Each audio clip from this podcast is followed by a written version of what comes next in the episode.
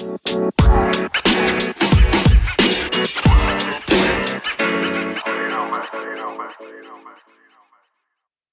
balik lagi di Ngops, ngobrol kita seru-seruan. Kali ini udah masuk episode 5. Kali ini gue mau ngobrol sama temen gue, masih temen gue. Temen lama sih, temen kuliah. Nah, jadi gue sempat ngeliat Instagramnya dia, di story dia beberapa kali tuh dia kayak lagi punya hobi baru gitu kan. Nah, gue pengen tanya nih seputar hobi barunya dia. Gimana sih dia menjalani hobinya, ya kan? Terus ya, apalah cerita-cerita apa nanti. Kalian pokoknya dengerin aja. Pantengin terus Ngops ini ya. Ya, selamat menyaksikan guys. Bye-bye. Yo, Ya. eh, halo Dim, eh, piye kabari? Alhamdulillah nih Baik, baik-baik baik. saja. Kowe Oh. piye?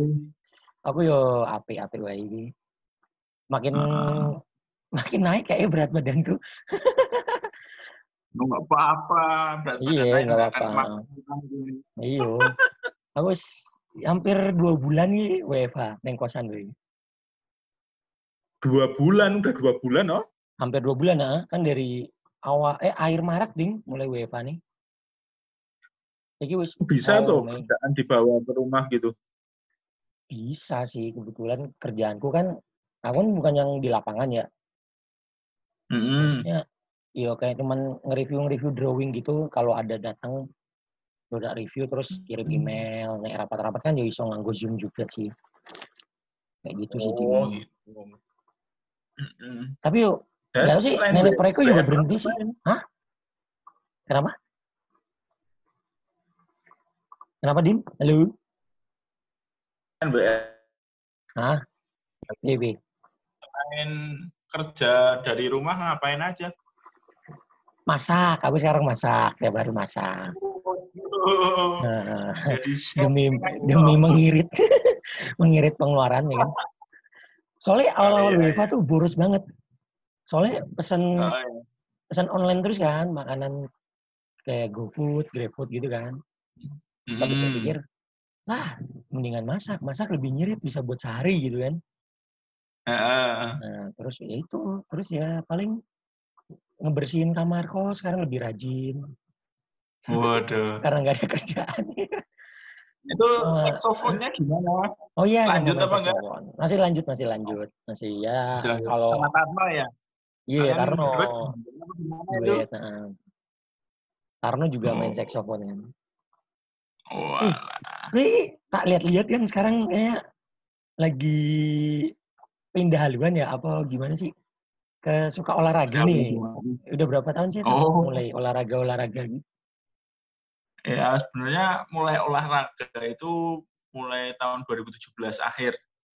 Hmm. Itu pas aku masih di Bekasi kalau nggak salah itu. Oh, masih kerja di Bekasi ya.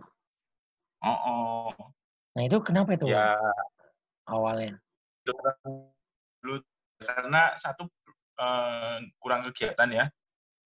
Eh, apa yo? Pulang dari kerja kantor gitu Heeh. di rumah seringnya ngegame, ngopi, cuma makan, Oh. tidur itu kurang kurang kurang ada Kurang kegiatan gerak ya, gitu. kurang gerak ya. Nah, berat Hmm. efeknya kan terus berat badan naik tuh. Yang Hmm, waktu hmm, hmm. itu aku bobotnya 70 kilo, kerja di Bekasi sampai berapa ya dia? 95 kilo kalau nggak salah. Uh, hampir ya Nah, tiga puluhan ya. Eh, dua puluhan ya, dua Betul. lebih lah. nah, eh. Nah, nah, terus? Nah, terus kepikiran sih eh, pada saat itu pengen nurunin berat badan gitu kan. Salah satunya dari diet sama olahraga itu. Mm, Tapi sampai akhirnya aku nemuin olahraga lari yang aku tekunin sampai sekarang itu ya udah banyak kali kok gonta-ganti olahraga gitu. hmm. Itu awalnya milih lari kenapa kenapa Dim? Hmm, awalnya kalau milih lari sebenarnya lari itu bukan awal sih. Yang awal itu aku milihnya nge-gym.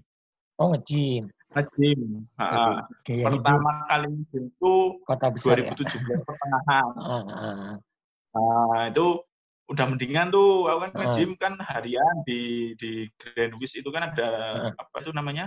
Clubhouse itu ya. ah, ah.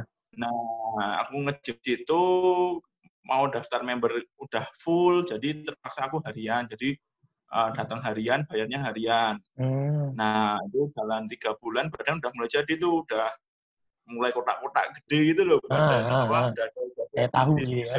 jadi gitu kan. Ah, Punggung udah jadi. Ah. Nah, dilala eh, tempat nge-gym itu naikin harga. hmm, Harga mas. harga Ya. hariannya Aku keberatan tau. Ah, keberatan ya. Terus nggak seberapa, terus gymnya itu naik harga, kalau nggak salah dulu berapa ya per hari itu ya? Kayaknya dulu tiga puluh ribu, oh, tiga puluh ribu dulu tuh. Terus naik jadi empat puluh lima ribu kan banyak banget tuh. lumayan dah. ah, ah. Nah itu yuk, ya udah aku berhenti di situ kan. Nah, terus terus cari cari hobi baru tuh apa gitu. Eh, cari hobi baru sepedaan.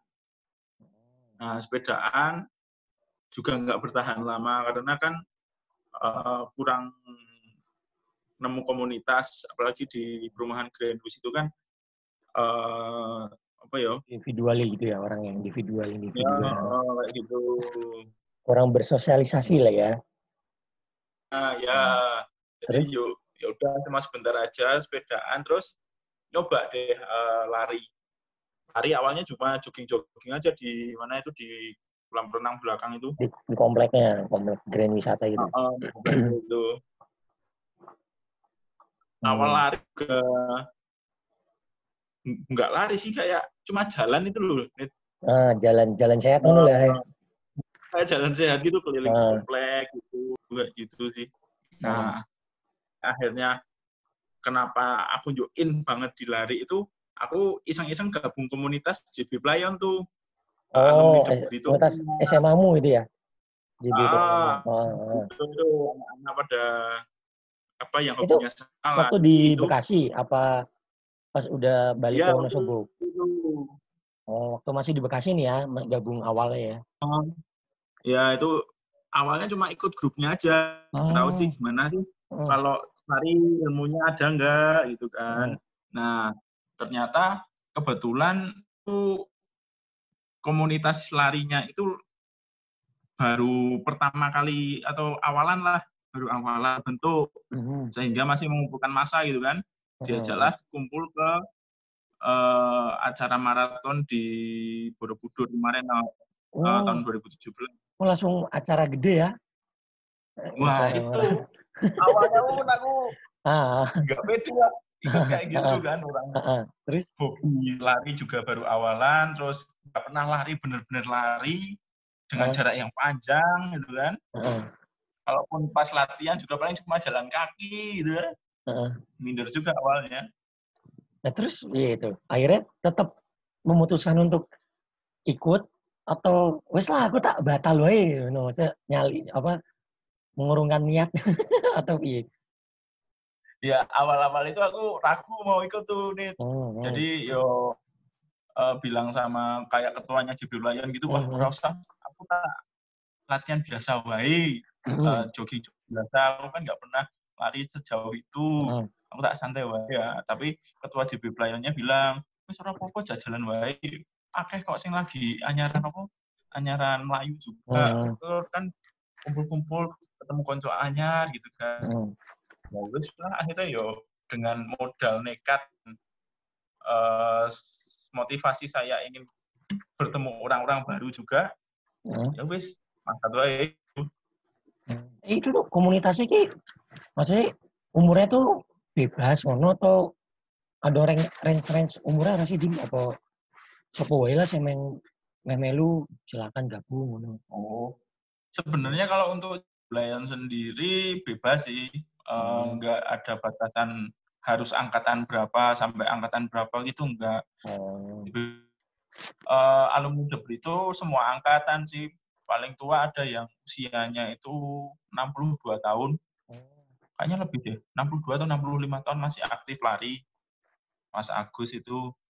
Nah, kalau untuk anggota di luar Debrito, alumni Debrito juga nggak masalah sebenarnya. Karena ada juga eh, anggota yang berasal dari luar. Kebanyakan cewek sih. Ya maklum lah ya, cowok-cowok kan butuh penyegaran makanya Oh, iya. menarik cewek. Ah, ah, bener bener. Apalagi Cewek. anak JP ya kan, apalagi Ca JP ya. Cowok semua ya kan. Nah, itu eh. Nah, terus perasaanmu setelah mengikuti maraton itu yang pertama kali gimana? Wah, itu complicated ya. Jadi sebelum hari H, Hamin Oh. satu itu aku sampai ke Jogja, Terus ketemu sama anak-anak angkatan 2008. heeh, Nah, itu udah dredeg. Aku nggak pede banget lah. heeh. Kondisi saat itu berat badan 90-an kalau nggak salah, gemuk banget. Hmm. Nah, wis aku wis, wis menenangkan diri, wis ngisuk diikhlas ke wae, apa pun yang Hmm. terjadi itu kan. Hmm. Mau finish, alhamdulillah, nggak finish juga masalah gitu kan. Hmm. Nah, sama ternyata pas Hah? ketemu sama anak-anak 2008 gitu, Hah? yang satu kos-kosan dulu.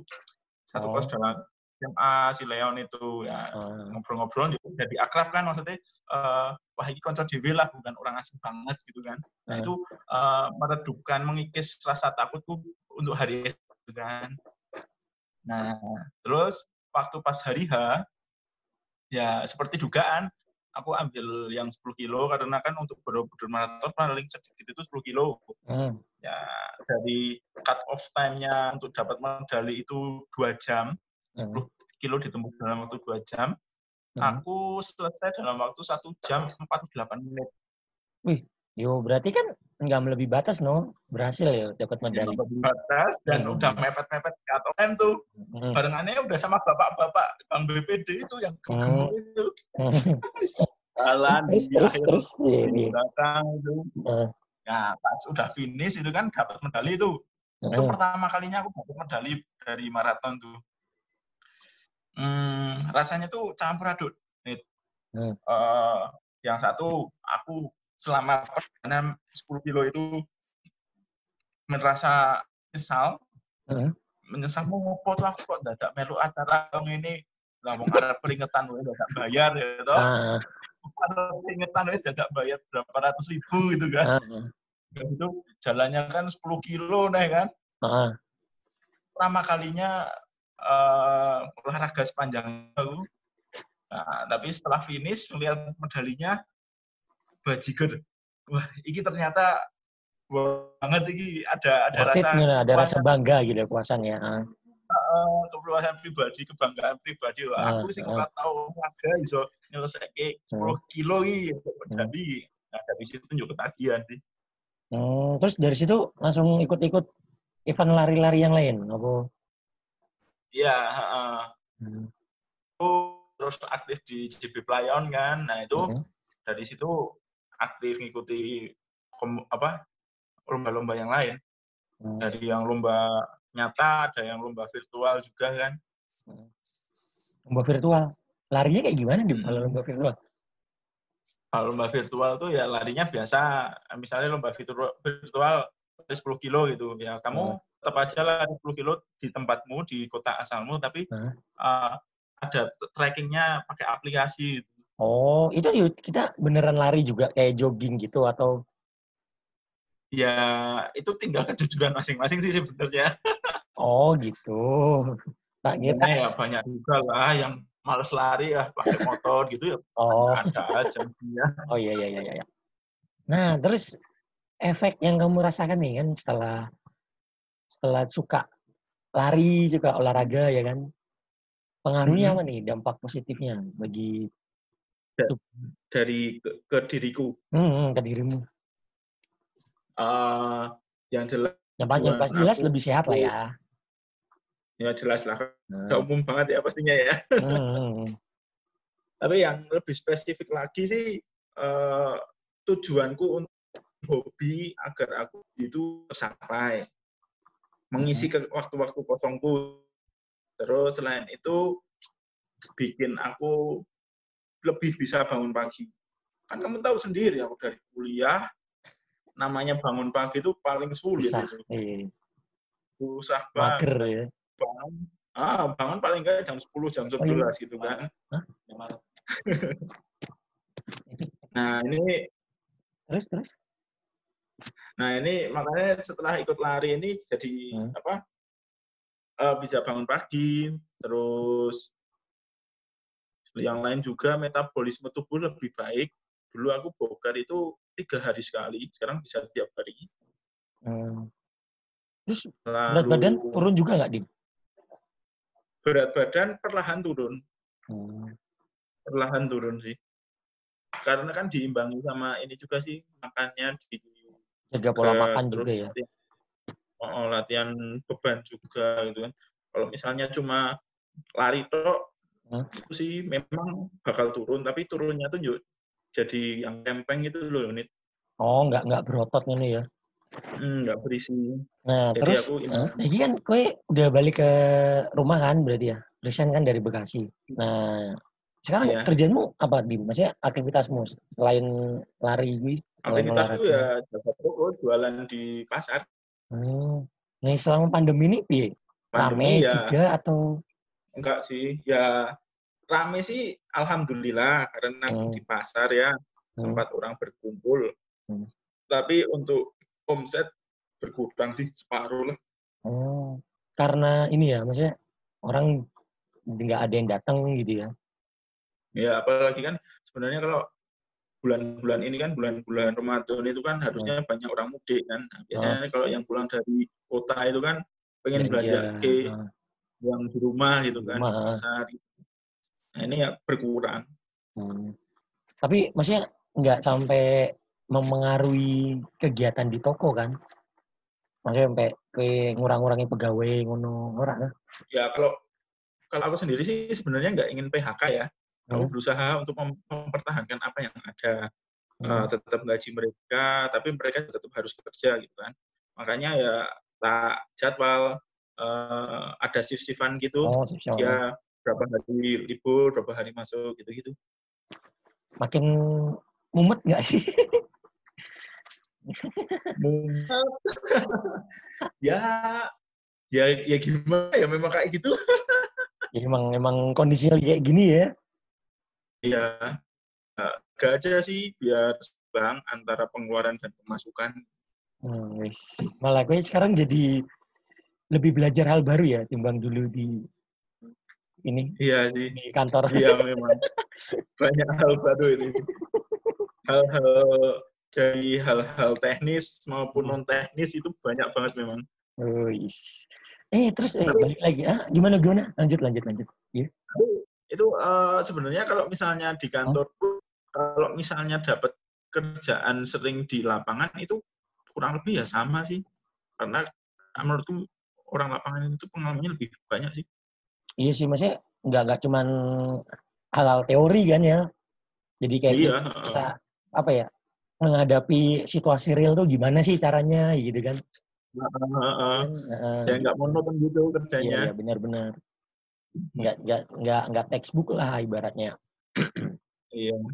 Kalau dulu kan aku di Bekasi uh, kerja di bagian QS itu loh quantity surveyor. Yes, jadi kan depan komputer, komputer. banget itu oh itu monoton banget itu bosan banget itu iya mata bikin sakit ya ngeliat ngeliat monitor iya. Gitu.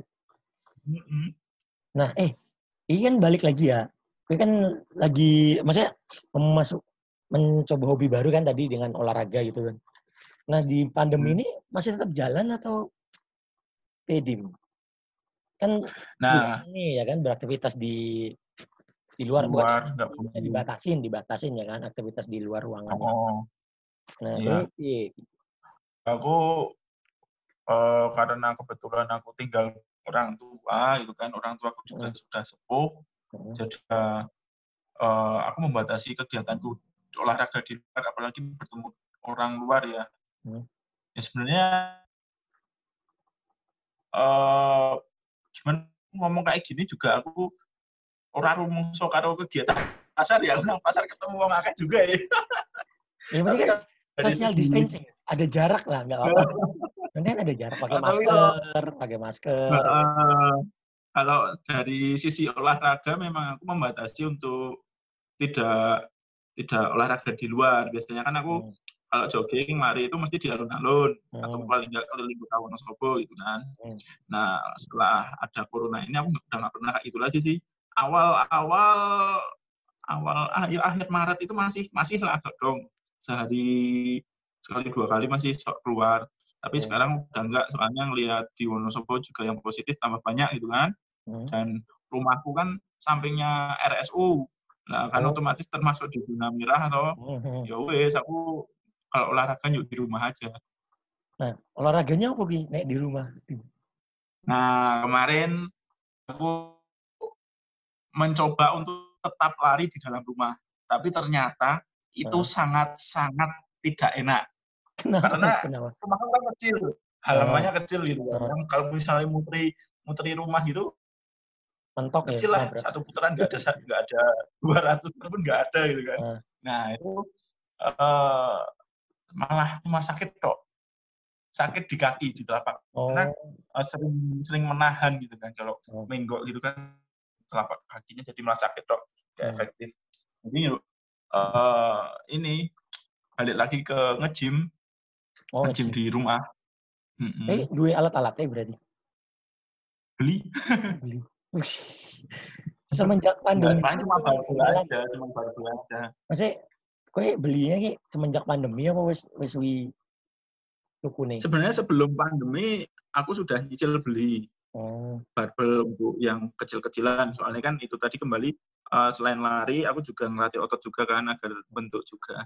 Nah, bilalah ada pandemi ini ya jadinya lebih fokus ke ngejimnya itu. Jadi aku oh. beli beberapa alat lagi. Beli online.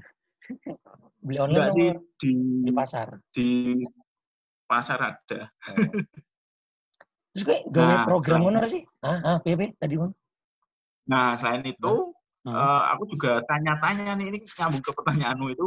Uh, aku tanya-tanya sama temanku yang di di juga kan ada yang hobi nge-gym juga tuh. Nah, aku tanya sama Mas Indra, kalau mau ngelatih dada, latih apa, latih apa, gimana? Mm. Itu kan, tanya ke Mas Indra. Nah, makanya uh, aku sering posting di Instagram itu kan untuk gerakan-gerakan gitu kan.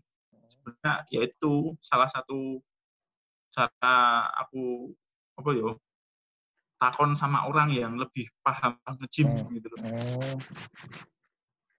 Ya memang sejak huh? uh, uh, bisa saya tanya langsung ke uh, hmm. via Japri gitu kan. Tapi aku ingin uh, mengajak orang lain juga yang misalnya oh. Main IG, hmm. lihat storyku, wah ini bocah olahraga wae itu jadi kepingin main olahraga gitu loh. Oh, itu ibaratnya memberikan hal positif gitu ya ke yang nonton video. Iya. Niatnya sih seperti itu gitu. Soalnya aku kan juga sering lihat story-nya Mbak Meda. Ingat kan Mbak Meda?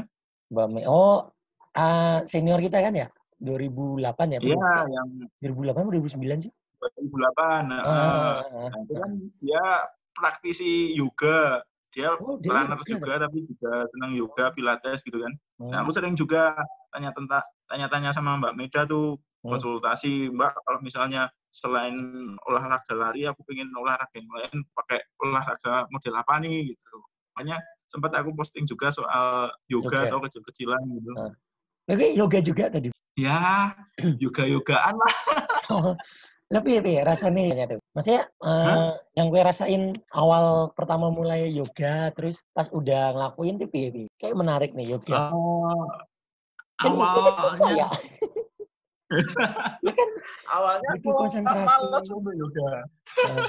Karena uh, ya wajar lah ya cowok hmm. untuk hmm. olahraga kok yoga senam gitu kita ya feminim banget loh nggak maco gitu loh nah, tapi ternyata efektif untuk mengatasi masalahku itu kan sebelum hmm. juga aku punya masalah di mama ini wah tuh oh, sering pegel karena ah oh ya berarti gue bu nah, terlalu sering tanya-tanya ternyata disaranin coba nih gerakan yoga yang yang ini. Ya bisa coba eh malah. Ya wis tak lanjutin juga. Kan. Oh, yoga tiap hari bu seminggu berapa kali ngono? Apa sak sak Setiap saat. Oh, setiap saat. Setiap saat saat eh kata Mbak Meda aja terserah Dimas mau kapan pun saya nanya Dimas Oh ya wis Mbak, makumun. Pagi apa sore nek nek kowe yoga iki? Nek yoga aku biasanya sebelum tidur. Oh, sebelum tidur. Oh, oh, oh. Iki maksudnya lebih pengaruh, maksudnya hasilnya lebih terasa efektif apa piye? Nek masih belum. Ya, enggak sih. Soalnya aku ngepaske sama jadwal olahragaku yang lain sih, nih. Oh. Kalau pagi kan mesti aku pakai Lari. buat angkat beban. Nah, kalau misalnya kabeh ditaruh di pagi gitu kan, eh, capek dan waktunya terlalu lama. Dilalah aku ke pasar gitu kan. Jadi ya tak bagi antara pagi sama Hmm. Yuk pakai musik-musik gitu. Yoga nih. Hmm? Pakai musik-musik gitu nggak sih? ya tapi pakai headset aja. Kan kayak musik-musik alam ngono ya kan? Ya harusnya Hmm. musik Islam, tapi aku Maksudnya- nyetelnya musik metal. ya, Eh iya, Gue kan mesti awal-awal kan apa agak susah tau maksudnya untuk olahraga teratur gitu. Nah gue ngatasinnya Hmm. bi supaya ada tekadnya gitu. Ah aku kan iki hobi baru tau, kayak baru menjalani. Emang udah niat. Hmm. Nah supaya continue terus tuh gitu. Dim. Nah, itu memang butuh waktu sih. Itu yang susah. Aku dari 2017 untuk bisa rutin itu baru di 2020. Oh, Sebenarnya setelah aku ingat Hmm. yang dibutuhkan itu adalah tar- target jangka panjang sama jangka pendek. hmm. Misalnya aku lari, aku target nih jangka panjang aku pengen lari full maraton 42 kilo gitu kan. Hmm. Tapi dalam, dalam jangka waktu kira-kira tahun 2025 aku pengen bisa full maraton nih. Nah, tapi selain kita punya target jangka panjang, harus diimbangi dengan step-step jangka pendeknya. Jadi kita nggak terlalu jauh le mengejar gitu. Jadi Hmm. misalnya dimulai dari aku lari 10 kilo gitu kan. Ya enggak deh 5 kilo dulu. Lari 5 kilo pengen full tanpa berhenti. Setelah nanti tercapai itu Hmm. ganti lagi target jangka pendek eh, 5 kilo ditempuh dalam waktu berapa menit gitu. Nah, setelah tercapai ganti lagi, ganti lagi, ganti lagi sampai akhirnya nanti 42 kilo terpenuhi gitu sih.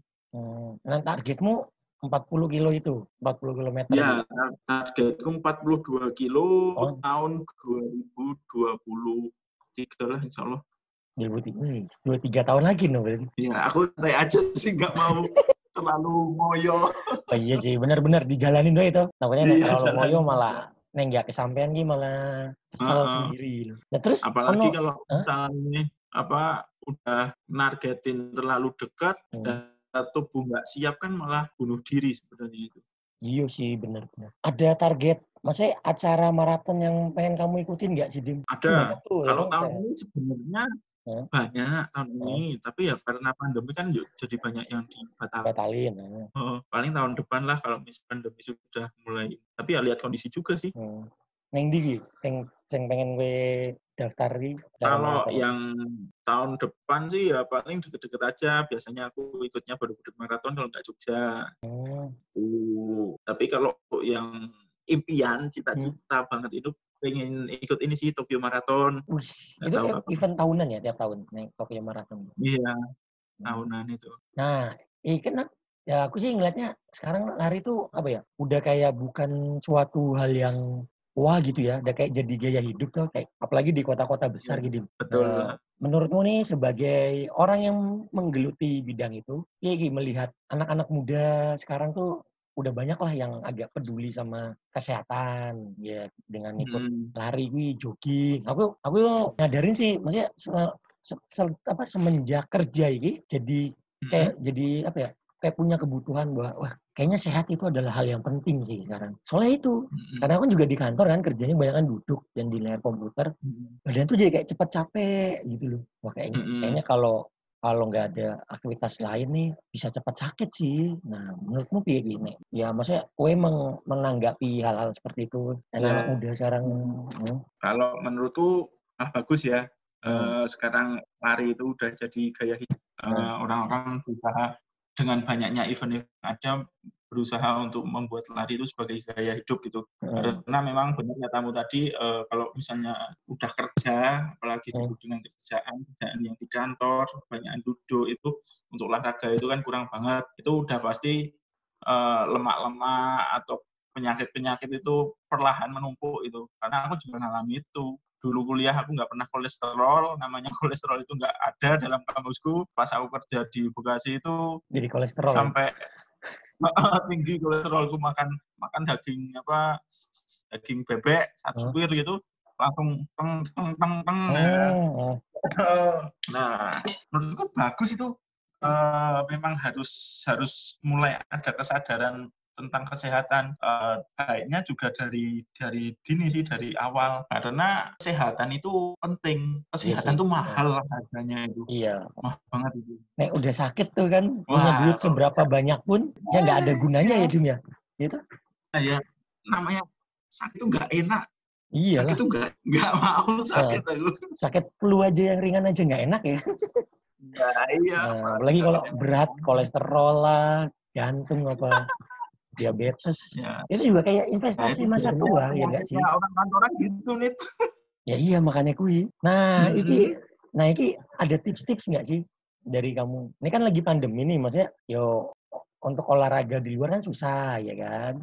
Hmm. Terus gimana nih biar dapat terus berolahraga di tengah-tengah masa kayak gini, Tim? Uh, untuk tipsnya ya satu uh, memang harus bosan dulu hmm. uh, harus bosen sehingga kita berusaha untuk hal baru. Kalau nggak bosen memang kayaknya kurang untuk bisa ayo ah nyoba apa hobi yang lain kegiatan yang lain.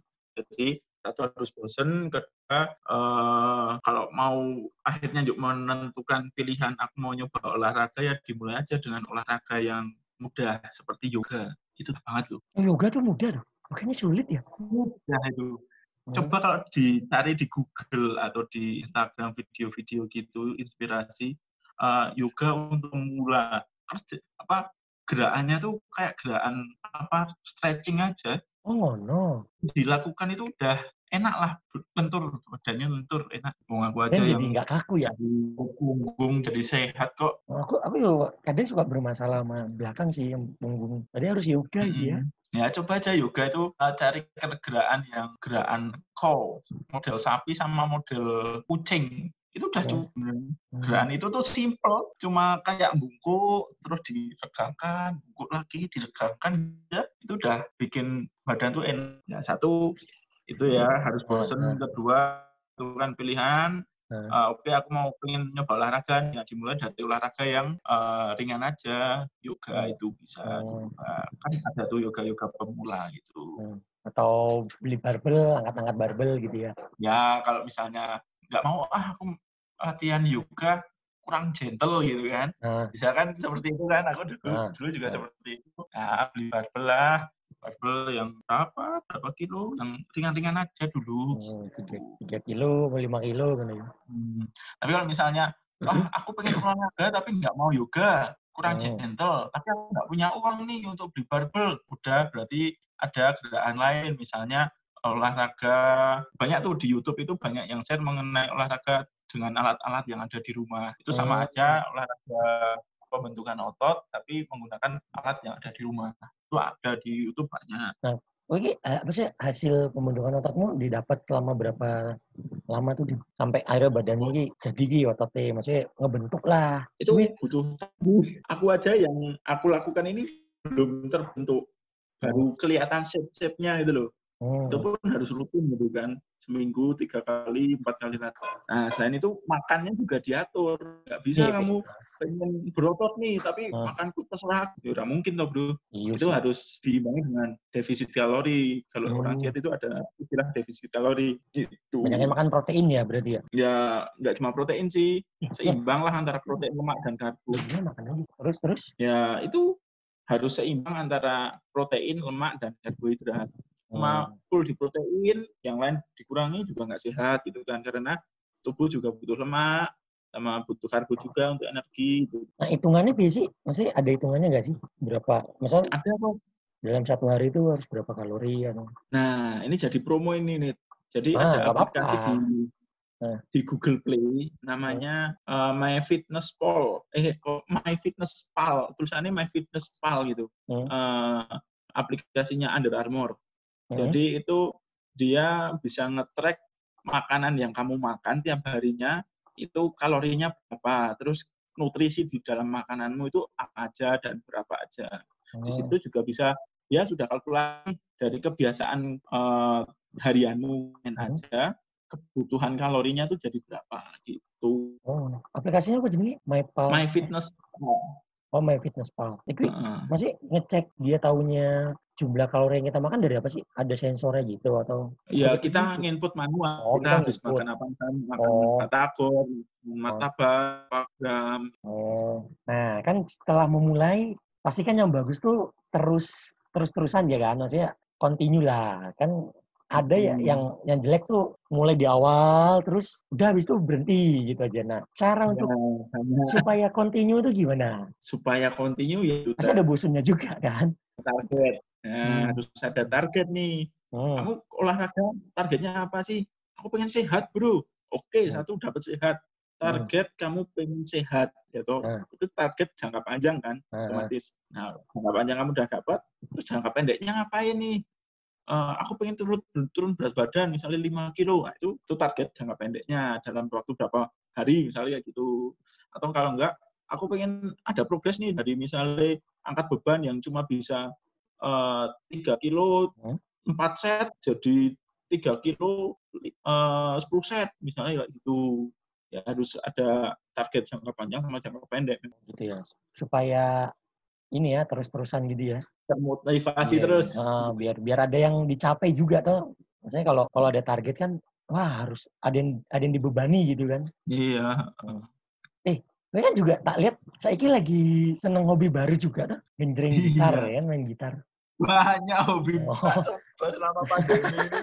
Ini mencari kegiatan baru apa karena stres di Hmm. toko itu. Ya, kan sih eh, dengan pandemi ini Heeh. toko kan jadi sepi, lebih sepi Ah. dari hari biasanya. Heeh. Energi di, di dalam rumah itu jadi banyak. Jadi pengen masih pengen apa, pengen apa, pengen apa Hmm, gitu loh. hmm, hmm. Kalau biasanya kalau hari-hari biasa nggak ada pandemi kan sampai rumah udah ngantuk. Dep gitu jam 8 udah tidur. Jam 8 malam. Gitu. Makanya yuk cari-cari baru. Terus Hmm. aku kan juga orangnya bosenan nih. Hmm. Itu kenapa itu? Iso, iso main gitar meneh maksudnya nyoba hobi gitar. Ya karena dulu tuh aku sebenarnya ngeband juga, cuma kan nggak nggak tak seri- seriusin Nah, zaman SMP itu. Nah setelah kuliah SMA udah nggak pernah namanya main gitar itu udah nggak pernah gitu kan. Tapi aku masih sering dengerin musik-musik gitu kan. hmm. Nah terus ya itu ah cobalah daripada cuma dengerin musik. Hmm. Dan aku kan kalau nyanyi suaraku kan orang genah, pating beliru gitu kan Nah, cobalah main gitar lagi gitu kan lihat-lihat orang main gitar kok asik gitu loh dia tuh cerdas gitu loh orang Hmm. bisa gitar itu belajar otodidak apa dari YouTube mana di? Eh belajarnya ya itu sekarang alhamdulillah zaman udah gampang sih ya Hmm. dari YouTube bisa aplikasi Google apa Google Play juga ada banyak Oh. Nah terus selain main gitar, olahraga, apa lagi nih Hmm. kegiatan di pandemi ini? ya aku juga lagi seneng Gundam Rakit Gundam Gundam, oh Gundam, itu action figure. kan hobi yang lumayan mahal. Gitu. mahal bikin capek Iya, ngerakit-rakit sih. iya Tapi nggak apa-apa sih, tapi juga kesenangan kan. Nah, selama aku kita terlalu banyak kesukaan soalnya nih pengen apa melihat Gundam dulu aku kan zaman kecil seneng banget tuh Gundam sampai eh, bikin eh, buat apa imajinasi kok kokpit imajinasi dari kursi dulu Hmm. dulu zaman SD itu seneng banget itu Gundam. nah sekarang ini lihat ada miniatur miniatur Gundam kok lucu pengen nyoba coba sekali beli yang murah-murah aja gitu Heeh. eh ketagihan coba lagi langsung yang level apa menengah gitu kan wah ternyata ya asik lumayan dan capek juga Iya, lumayan ya menguras menguras kantong juga ya. wah ya Hmm. nabung sih Iya. Terus koleksi Gundam udah berapa sekarang nih? Udah banyak. Oh, sedikit baru dua aja kok orang aku juga baru-baru aja kok itu Oh tak kira udah mulai lumayan lama koleksi. Em, belum itu aku suka Gundam yo karena iseng di Instagram Instagram tuh banyak racunnya sebenarnya tuh Iya sih bener-bener Instagram. Instagram sama toko-toko online nih loh racun. ya, kan? Iya itu Kayak Tokopedia. Bukalapak dan sebagainya itu. wah kan Iya. bikin dompet kering. iya. Nah, eh gue ada ini nggak pesan-pesan apa-apa gitu sebelum ditutup dalam menghadapi Ah, masa pandemi ini atau apalah buat teman-teman mungkin di luar sana yang mau mencoba Oh, baru. ya aku belajar juga sih dari pandemi ini eh, untuk kita belajar untuk tidak egois sebenarnya. Hmm, Eh, di hari-hari biasa itu kan kita dibiasakan dengan kesibukan-kesibukan dan percaya kepercayaan gitu kan. Hmm, sehingga kita egois eh, untuk sesuatu itu entah itu uang entah itu surga gitu kan. Hmm. nah ini dengan adanya pandemi ya diajarkanlah menungsoi ben kon leren gitu loh. Ora usah terlalu ngoyo untuk mengejar sesuatu gitu. Karena eh, semakin manusia itu terlalu ngoyo ngejar sesuatu tuh alam yang kena gitu kan. Hmm, Oh, selain itu juga eh, kita diajarkan untuk lebih mengenal diri sih, lebih mengenal diri eh, me time gitu loh, lebih Hmm. tahu diri kita tuh passionnya kayak gimana, gimana gitu. mencari Bener sih tahu ini bener. kesukaan kita tuh kayak Hmm. apa gitu kan. Ah, bener-bener. Karena kalau eh, sebelumnya kan ya itu kembali lagi ya kita terlalu sibuk karena kita mencari sesuatu, ingin Hmm. menggapai sesuatu sehingga kita melupakan apa sih sebenarnya eh, kesukaan kita atau apa yang sebenarnya tubuh kita perlukan gitu. Ah, itu ah, sama ya Ah, ini apa ya oh ya eh, jangan terlalu eh, apa terlalu banyak nonton berita menurutku? Kenapa jadi? terlalu banyak nonton berita karena berita-berita saat ini tuh isinya orang Menakutkan. mutu. Ya menakutkan banyak pemberitaan yang nggak mutu gitu kan. Hmm, ya kemarin lah apa satu masalah corona. Si Hmm. Jering sama Dokter Tita Nah, gitu, ya. Ahmad Dhani konspirasi. Alah opo itu?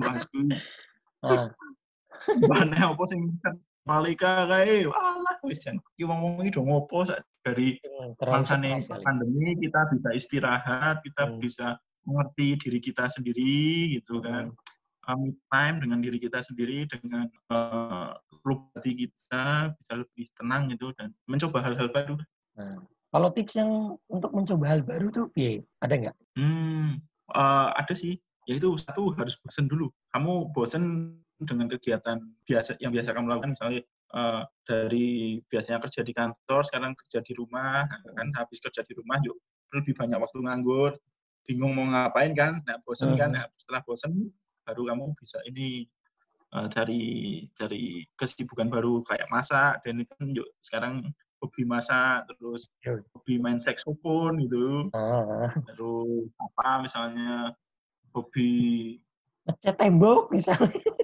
Nah itu bisa serah lah. Kamu bisa berekspresi ya kan, gambar. dirimu. Mungkin Oh, bisa ber ya mengeksplorasi diri lebih lebih iya yang- kayak bu siapa itu? Nektaria Putri ya yang yuk, mengisi waktu luangnya banyaknya gambar itu loh. Hah, Bu Nektar gambar bisa gitu. nah itu Nektaria Putri kan ya? N Putri Tahu ah, dosen kita Dosen MBW kan Oh. dulu, manajemen Eh, manajemen. dosen baru itu loh si cakep itu loh Ibu Nektar ya cakep sih.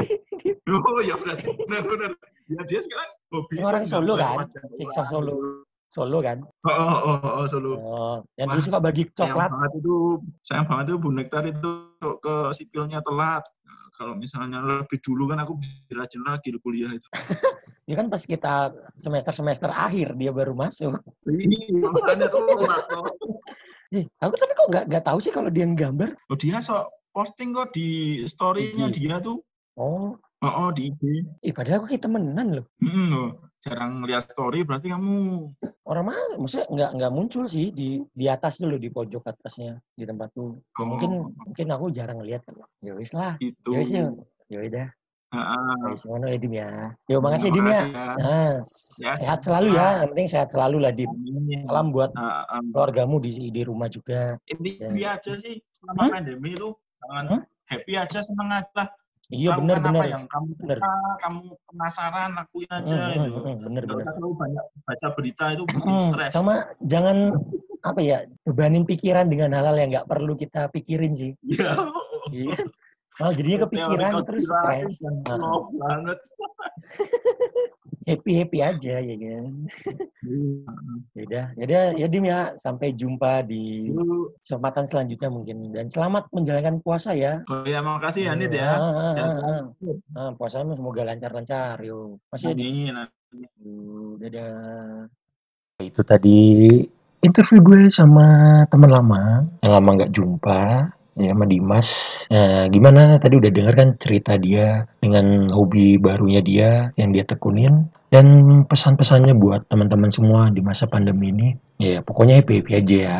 Dan terima kasih sudah mendengarkan Ngox di episode kali ini. Sampai jumpa di Ngox episode episode selanjutnya. Jangan bosan-bosan buat nungguin episode selanjutnya dari Ngox ya. Dadah guys. Sampai jumpa